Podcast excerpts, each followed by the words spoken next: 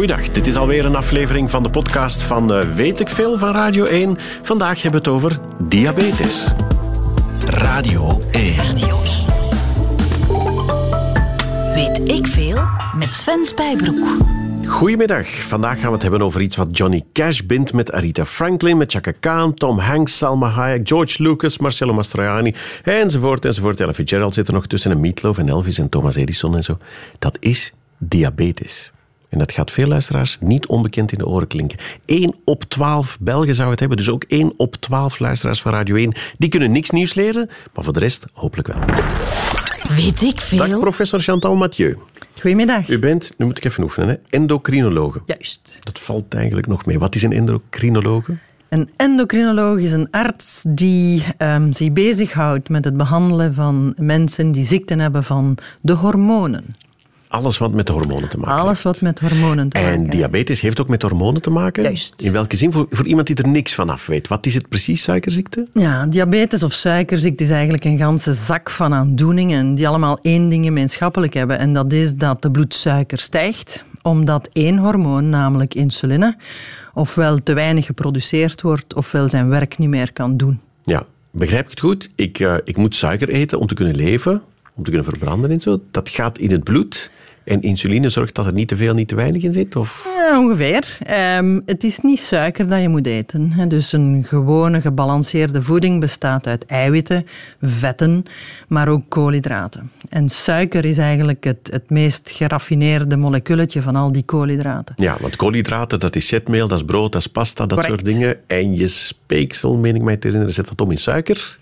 Uh, Onder andere. Speeksel, maar ook uh, enzymen die uit uw pancreas komen. Dus als het uh, voorbij de maag geraakt en in uw darm komt, dan zijn daar ook enzymen die gaan knippen uiteindelijk die complexe koolhydraten, zoals we dat noemen, in kleinere en kleinere stukjes. En het allerkleinste stukje, een van de allerkleinste stukjes, is glucose. Ja, dat glucose dat komt in je bloed terecht, ja. wordt via het bloed rondgedragen, het hele lichaam door.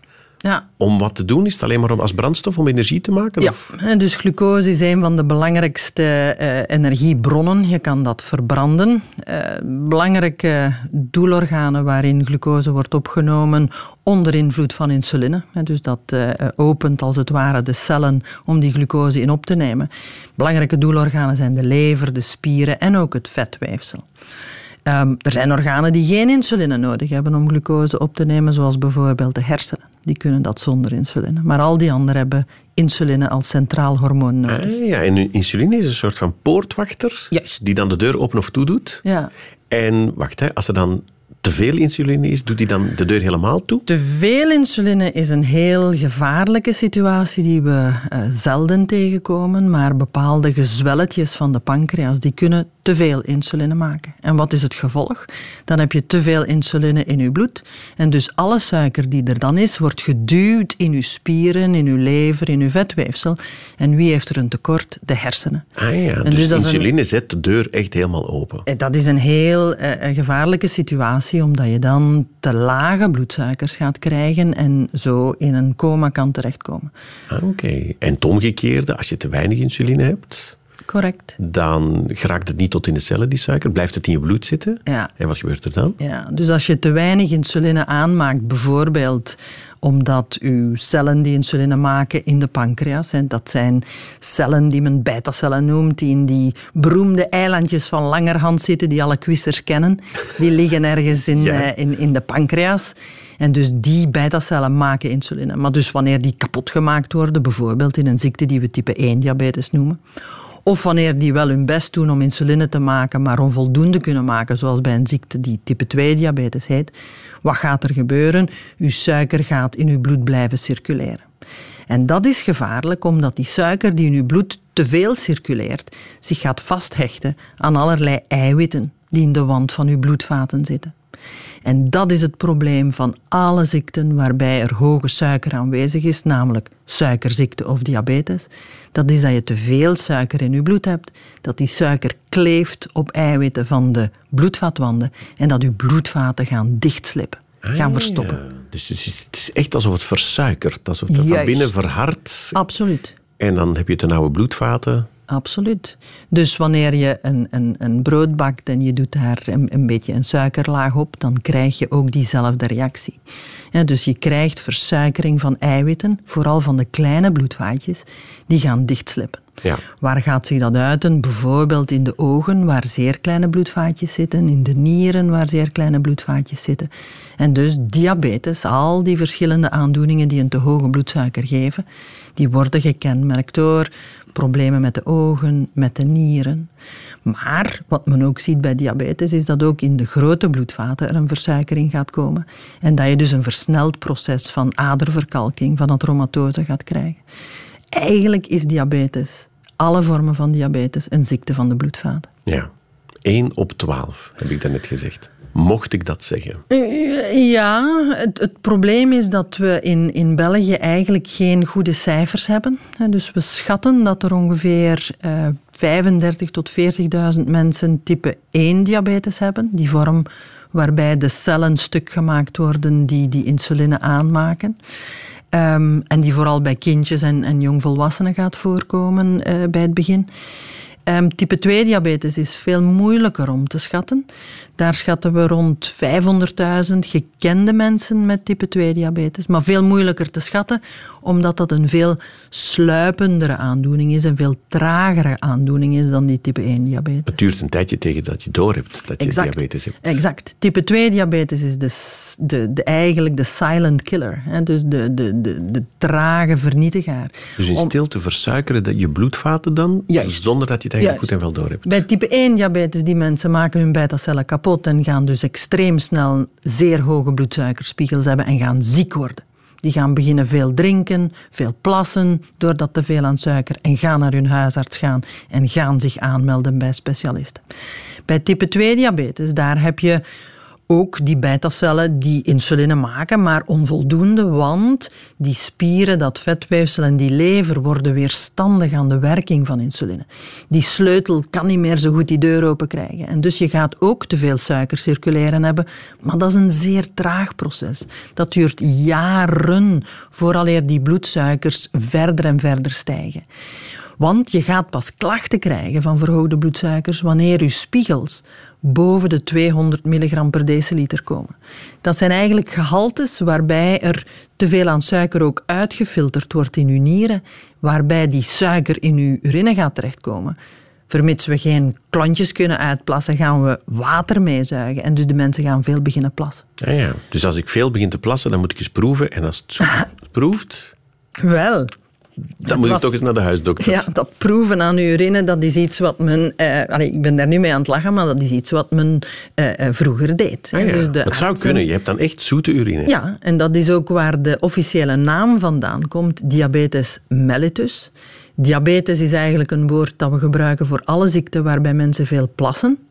Maar diabetes mellitus, dus zoet, honing, is de naam voor alle ziekten die uh, zoete urine geven. Okay. Dus als je je uit verleid voelen om dan aan die urine te gaan proeven, dan ga je die suiker proeven. Weet ik veel? Chantal Mathieu, we hebben het over suikerziekten, over diabetes. Uh, type 1 en 2, dat heb je net al even gezegd. Kan je nog even kort zeggen hoe het precies zit? Type 1, dat is... Je hebt de cellen niet die insuline moeten aanmaken. Correct. Die... En type 2 is wat? Type 2 diabetes, ganz andere aandoening, waarbij het vooral uw lichaam is dat weerstandig wordt aan de werking van die insuline. Uw, uw eigen cellen maken nog wel insuline, jaren aan een stuk, maar onvoldoende om over die heuvel van insulineweerstandigheid in uw spieren, vet en, en lever te Je cellen worden als het ware een beetje immuun voor insuline. Ehm, dat is eh, een, een zeer eh, mooie uitspraak. Eh, die gaan inderdaad niet meer luisteren naar die insuline. En, en we weten eigenlijk nog altijd niet hoe, hoe dat, dat juist gebeurt. Dus we verstaan nog altijd niet exact wat al de, de, de cascades zijn in die cellen die die weerstandigheid veroorzaken. We weten dat het immuunsysteem, namelijk ontsteking, zeker een rol speelt.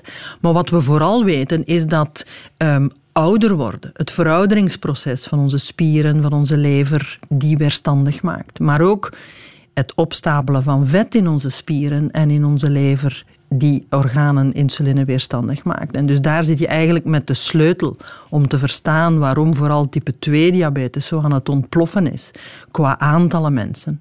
Omdat we dus één ouder worden met z'n allen, maar vooral omdat we met z'n allen dikker worden. We gaan niet meer genoeg bewegen en we gaan relatief eigenlijk te veel calorieën binnenkrijgen. En dus gaan we dat vet dat we gaan maken niet alleen kwijtgeraken in het echte vetweefsel, maar we gaan dat ook duwen in spieren en in onze lever. En daardoor worden die organen heel weerstandig aan de werking van En is het dan zo simpel als hoe dikker ik ben, hoe meer kans ik heb op diabetes? Um, dat is een zeer simpele uitspraak, maar die bijna correct is. Ja. Um, er speelt ook erfelijkheid mee. Dus wanneer we spreken over type 2 diabetes, als uw mama of uw papa type 2 diabetes heeft, dan is uw kans ongeveer 1 op 2.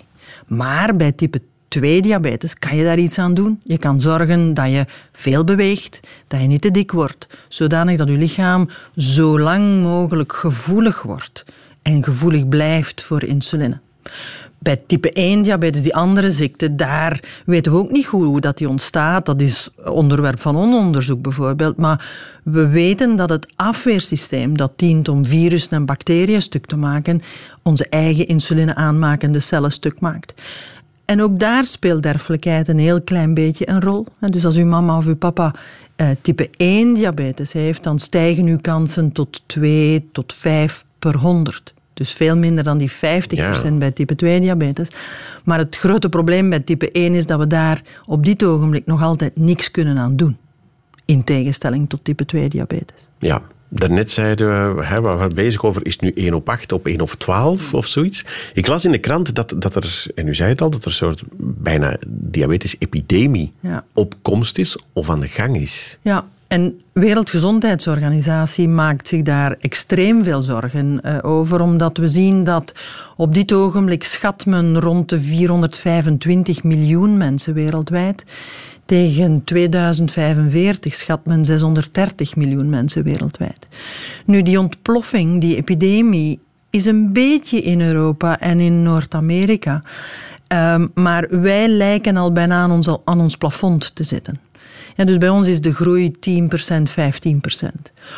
En dat is niet omdat we gezonder leven, maar gewoon dat is omdat, er al zoveel mensen diabetes hebben. Juist, maar als je gaat kijken naar Azië, naar Afrika en vooral ook naar Zuid-Amerika, dan zie je dat daar ontploffingen bezig zijn van eh, 100% meer. Dus een verdubbeling van het aantal mensen met diabetes, omdat ze met lagere cijfers beginnen.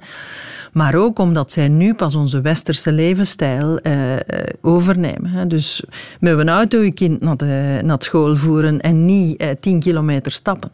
Um, als symbool van rijkdom uh, een hamburger gaan eten in een of andere westerse keten in in tegenstelling tot uw, uw normale voeding gebruiken.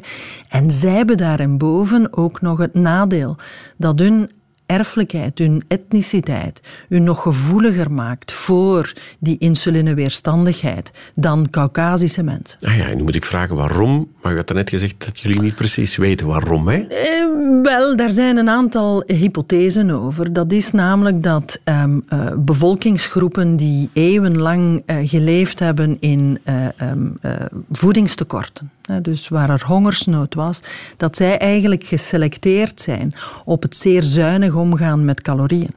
En dus zij hebben een overlevingsvoordeel gecreëerd voor mensen die uit iedere calorie zoveel mogelijk konden halen. Als je natuurlijk met dit soort erfelijkheid leeft in een omgeving waarbij er een overvloed aan calorieën is, ja, dan zie je juist het omgekeerde gebeuren en dan ga je heel gemakkelijk uh, ja, dat kleine dikke buikje krijgen. We zien dat bijvoorbeeld aan Indische mensen die hier in België komen wonen dat profiel van type 2 diabetespatiënten met Indische achtergrond tegenover de typische Belg is compleet anders. Onze typische Belgen gaan zich voordoen met een heel dikke buik met type 2 diabetes, 120 kilo of 100 kilo, terwijl die Indische mensen ja, dat zijn voor onze normen magere mensen. Die hebben alleen een heel klein dik buikje en die hebben toch al type 2 diabetes. dus etniciteit speelt zeker een rol. Dat is grappig, want ik las ook in de krant ergens, uh, toen ik een beetje aan het opzoeken was voor dit programma, dat uh, met name in de, in de Turkse en de Marokkaanse gemeenschap Juist. het ook steeds vaker voorkomt. Juist. En dus daar hun, uh, hun, hun erfelijke achtergrond speelt een rol en laat daarbij ook nog eens hun, hun voeding eh, juist eh, heel veel gesuikerde zaken meenemen. Hè. Dus eh, al de, de heel lekkere desserten uit, uit Noord-Afrika, uit. Turkije, baklava. Hoe meer- hoe meer honing, hoe hoe meer liever. honing, hoe beter. Ja. Voeg dat samen met ook een cultuur van ja, niet gaan joggen enzovoort. Ik denk dan bijvoorbeeld aan, aan de, dames van middelbare leeftijd. Ja, dat, dat zit niet in die cultuur. En dus Nee. dat zijn al de verkeerde kaarten om juist die type 2 Maar, diabetes maar is te dan, krijgen. als je, als je veel suiker eet, kan je ook makkelijker suikerziekte krijgen? Of? Ehm, type 2 diabetes, als je veel eh, suiker eet, dat zijn, we noemen dat lege calorieën. Die gaan je maag niet vullen. Nee. Als je veel vezels eet, ehm, veel groenten eet, daarmee gaat je maag meer gevuld zijn dan als je twee liters van een frisdrank drinkt. Of twee liters fruitsap drinkt. Of de gevaarlijke smoothies die iedereen denkt dat ze gezond zijn, maar waar veel calorieën in zitten zonder dat je het eigenlijk voelt. Om, omdat er heel veel suiker in zit? Omdat er sowieso heel veel fruit in zit? Of? Ehm, wel, we moeten een onderscheid maken tussen iets wat gezond is en iets waar geen calorieën in zitten. Fruit is gezond. Olijfolie is gezond. Maar dat betekent niet dat je daar ongelimiteerd mag van eten, want daar zitten veel calorieën in. En in fruit zit ook nog een keer veel suiker in.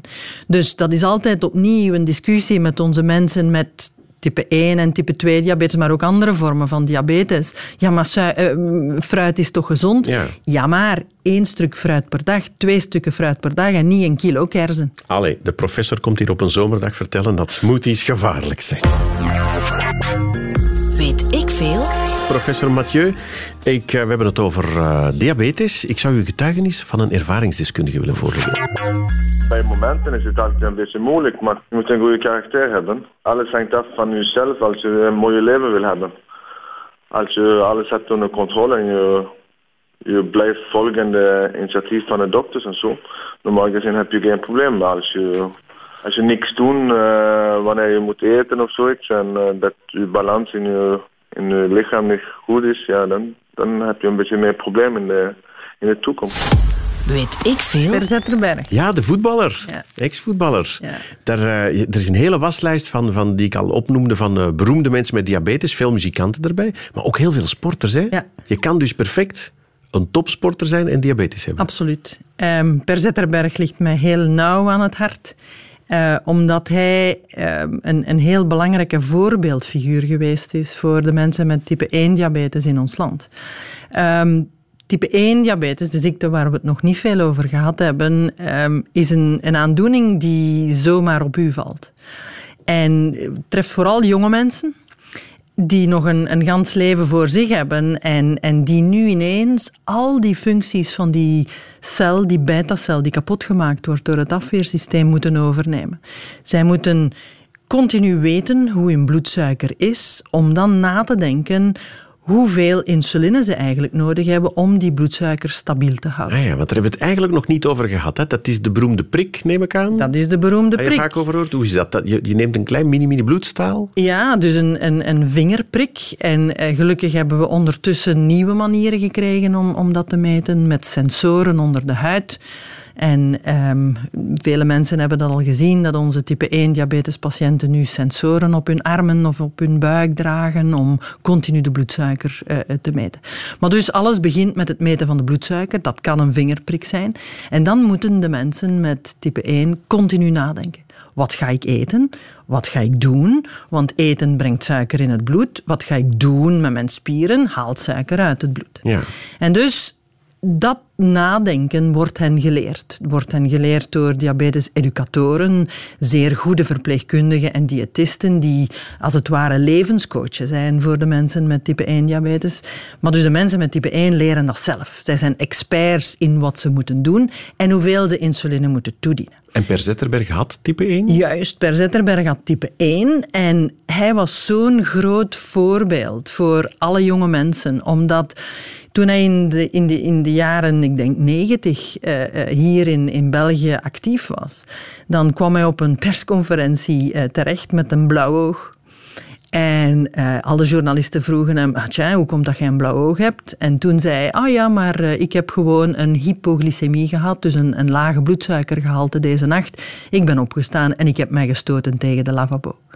En die ene zin heeft zoveel jonge mensen de moed gegeven om ook over hun diabetes te praten en om ook in te zien dat ze konden een topsporter worden met diabetes. Dat heeft echt een revolutie veroorzaakt. En ook bij werkgevers bijvoorbeeld heeft dat toen inzien dat iemand met type 1 diabetes als werknemer nemen, dat dat heel sterke persoonlijkheden zijn. Want dat zijn mensen die expert zijn in hunzelf behandelen. Bloedsuiker meten, nadenken en dan die prik waarover je daar juist sprak, namelijk insuline toedienen. Maar als je dus pech hebt en dan je mist een keertje en je bloedsuiker valt, hè, schiet plots naar beneden, dan kan je wat is het in dit geval? Hypoglycemie? Is dat, is dat flauwvallen? En, en... Hypoglycemie is het uh, krijgen van een te lage bloedsuiker. En dus de mensen gaan dat meestal voelen. Ze voelen hun bloedsuiker zakken. Ze beginnen te zweten, te beven. De omgeving ziet vaak dat ze wat bleek aan het worden zijn. En dan kunnen ze een suiker nemen. Dus dan moeten ze juist wel die suiker innemen, een frisdrank drinken, een druivensuiker nemen, om uiteindelijk die suiker terug op peil te brengen. Nu, die hypo's zijn eh, meestal perfect te ondervangen, maar soms, ja, wanneer je het niet gevoeld hebt, of bijvoorbeeld wanneer je slaapt of halfslaperig bent, dan kan je soms zo laag zakken dat je het bewustzijn verliest. En dus dat is wat er toen met uh, Per gebeurd was. Hij is toen uh, gevallen. Ja, maar je zal maar een topvoetballer zijn midden in een match, hè? Ja. Je bent je geweldig aan het inspannen en al je suikers raken opgebrand. Maar onze type 1 patiënten die topsport doen, of die sport doen te koer, die zijn ongelooflijk getraind en zij zijn grotere experten in type 1 diabetes dan alle dokters samen. En dus zij weten exact wat ze nodig hebben, bijvoorbeeld om een half uur te tennissen, om of een, een half uur te gaan fietsen, of een uur te gaan fietsen, of le marathon des sables te lopen, zoals eh, eh sommige van onze patiënten al gedaan hebben. Dus eh, zij worden echt getraind en zij zijn experten. Mijn type 1 patiënten zijn mijn helden, omdat zij iedere dag opnieuw dat moeten doen. Iedere dag opnieuw moeten zij nadenken, wat ga ik eten, wat ga ik doen. Ja. En bijvoorbeeld bij autorijden. Dan Correct. word ik heel ongerust. Riskeer je daar plots... Wel, het is zo dat mensen met uh, diabetes type 1 diabetes, maar ook mensen met andere vormen van diabetes die insuline nodig hebben of die medicijnen nemen waardoor hun bloedsuiker te laag kan komen, dus hypoglycemie geven. Zij moeten om de vijf jaar van een arts een attest krijgen dat zij um, om medische redenen toch niet beperkt zijn in het rijden met een auto, met een camion, met een bus enzovoort. En op basis van wat beslissen wij dat? Wij beslissen dat op basis van hebben ze oogproblemen bijvoorbeeld, maar ook hebben ze vaak hypoglycemies. En dus wij trainen onze patiënten om vooraleer ze in de auto stappen hun bloedsuikers te meten, als ze lange ritten doen, niet alleen om die twee uur te stoppen, maar ook frequenter hun bloedsuiker te meten. En zoals gezegd, nu met de nieuwe scansystemen, met de sensors, is dat heel gemakkelijk geworden, omdat de meeste mensen met type 1 diabetes niet meer in hun vinger moeten prikken, maar gewoon een, een scan van hun sensor kunnen doen en zien hoe hoog dat hun bloedsuiker staat. Net zoals je het benzinepeil van je vrachtwagen in de gaten kan houden. Exact. En ik voel mij veel veiliger bij een buschauffeur die uh, diabetes heeft en die um, getraind is op het, het, het in doog houden van zijn bloedsuiker, maar ook op het in doog houden van zijn eigen lichaam, dan uh, bij een buschauffeur die rookt en die niet slaapt en die uh, er zomaar uh, op losrijdt. Ja, snap ik. We gingen Celine Hermans aan het woord laten. Juist. Hè? Ik heb het zelf meegemaakt op vakantie in Turkije. Ik ga het nooit vergeten. Ik was de ene dag na de andere en ziek en echt me slecht voelen en moe. En dat ik dacht, maar enfin. En ja, ik dacht daar dat, ik inderdaad cola light of cola zero aan het drinken was. Tot ik aan de toog zelf eens eentje ging bestellen en niet de garçon die het kwam brengen. En voor hen was cola light gewone cola gemengd met water. voor een diabetes eigenlijk levensgevaarlijk. Levensgevaarlijk, dat zijn wel grote woorden. Klopt dat? Kan het echt helemaal fout lopen als je plots veel te veel suiker binnenkrijgt? Het kan fout lopen wanneer mensen met type 1 diabetes um, uh, bijvoorbeeld uh, stoppen met insuline inspuiten. Eh, omdat ze overgeven en ziek zijn en ze denken ik heb geen insuline nodig, dan kan het zeer snel zeer fout gaan op enkele uren tijd. We noemen dat ketoacidose.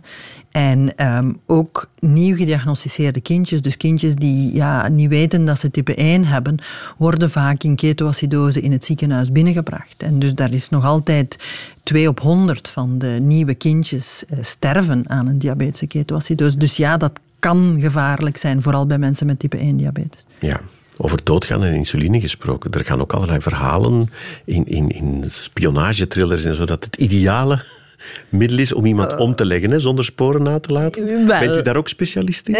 ik ben geen specialist. Wij worden soms gevraagd om expertises te doen, maar um, ja, insuline... Als je bij een gezonde mens een insulinespuit geeft, gaat hij dan dood? Als je genoeg geeft, wel ja.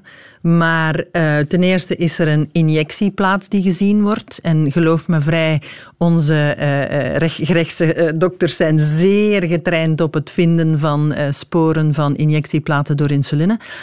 Um, en het is geen aangename dood omdat je eh, door al die fases van hypoglycemie gaat. Dus je gaat je heel slecht voelen.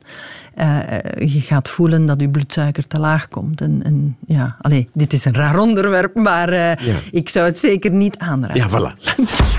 Radio 1. Weet ik veel? Daar hebben we het nog niet over gehad, hè, professor Chantal Mathieu. Over wat er echt mis kan gaan. Ja. Ik denk bij bij diabetes zie ik ook altijd beelden van, van voeten waar van alles mis is. Ja. En waar dan wormpjes op zitten nee, nee, om dat op nee, te lossen.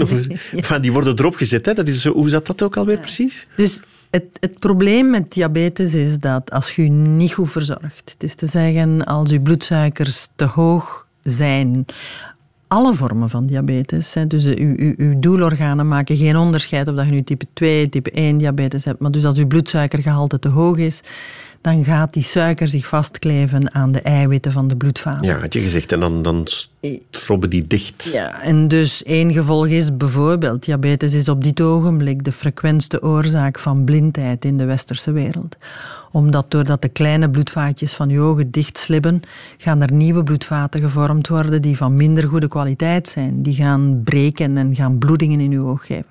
Dus vandaar dat het belangrijk is, één, van die bloedsuiker goed te controleren, maar twee, ook regelmatig bij de oogarts te gaan.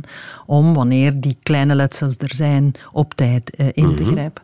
Dezelfde kleine bloedvaatjes zitten ook in de nieren. En dus op dit ogenblik is diabetes de frequentste oorzaak van dialyse in de westerse wereld. Ja, ja, maar waarom zie ik dan op televisie altijd beelden als het ja. over diabetes gaat van mensen met voeten en in verbanden en zo? En... Juist, omdat ook de bloedvaatjes van de zenuwtjes eh, aangetast worden, maar ook de zenuwen zelf. De zenuwen, ik heb daar in het begin gezegd dat de hersenen geen insuline nodig hebben om suiker op te nemen. De zenuwen zijn uiteindelijk een verlengde van onze hersenen en ook die hebben geen suiker nodig om uh, geen insuline nodig om suiker op te nemen. Dus wat gebeurt er als uw bloedsuiker te hoog is? Die suiker stroomt ongeremd binnen in uw zenuwtjes. En suiker is vergif voor zenuwtjes. Dus uw dekcellen van de zenuwtjes gaan stuk gaan. En dus uw zenuwen gaan uiteindelijk um, in een eerste instantie bloot komen te liggen en gaan pijn doen. Dus pijnlijke voeten is bijvoorbeeld iets wat mensen met, type 1, eh, met eh, diabetes gaan krijgen. Maar op den duur gaan die zenuwtjes stuk gaan. En daar begint het probleem, namelijk mensen gaan niet meer voelen, vooral in hun voeten, omdat daar de langste zenuwen eindigen. Dus zij gaan gevoelloze voeten hebben. Mhm. Dus stel u voor, op een zomerdag, ik loop op het strand, ik stap in een schelp, ik voel dat niet. Dus ik ga in een stel, schelp gestapt hebben, ik ga een wonde hebben aan mijn voet, die gaat infecteren. Ik ga dat niet voelen. En vandaar het grote probleem van voetwonden bij mensen met diabetes. Wanneer ze aantasting van uw zenuwen. Ah, ja, en dat is dus niet dat die, dat die, die voeten beginnen uit elkaar te vallen of die. Het is, het is echt puur verwondingen. Juist. Ja, dus ik draag de kleine schoenen en ik heb een blaar. Ik die geen diabetes heb, ga dat voelen, want dat doet pijn. Dus ik ga morgen bredere schoenen aandoen, ik ga die blaar verzorgen enzovoort. Mensen met zenuwaantasting van hun voeten door diabetes gaan dat niet voelen en gaan een uh, infectie krijgen of een verdere verwonding ter hoogte van die blaar en gaan uiteindelijk een teentje verliezen of gaan uh, de bedreiging hebben van een voet te verliezen. Ja, En die wormpjes dan? Die wormpjes zijn eigenlijk een zeer elegante manier om vuile uh, wonden op te uh, schonen. En dus wanneer men een heel sterk geïnfecteerde wonde heeft met heel veel dood weefsel, dan gaat men soms die wormpjes gebruiken om dat dode weefsel weg te halen. En die wormen zijn veel betere chirurgen dan onze chirurgen. Zij halen dat microscopisch weg, al dat dode weefsel, terwijl onze chirurgen eigenlijk ja, te breed snijden meestal. Vandaar dat we soms die wormpjes gebruiken. Ja.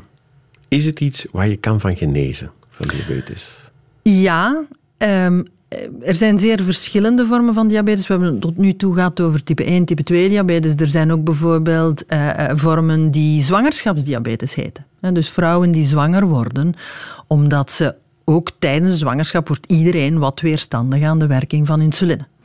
Nu, wanneer ze onvoldoende insuline kunnen aanmaken in hun eigen pancreas, dan kunnen ook vrouwen die zwanger worden in de tweede zwangerschapshelft verhoogde bloedsuikers krijgen. We noemen dat zwangerschapsdiabetes.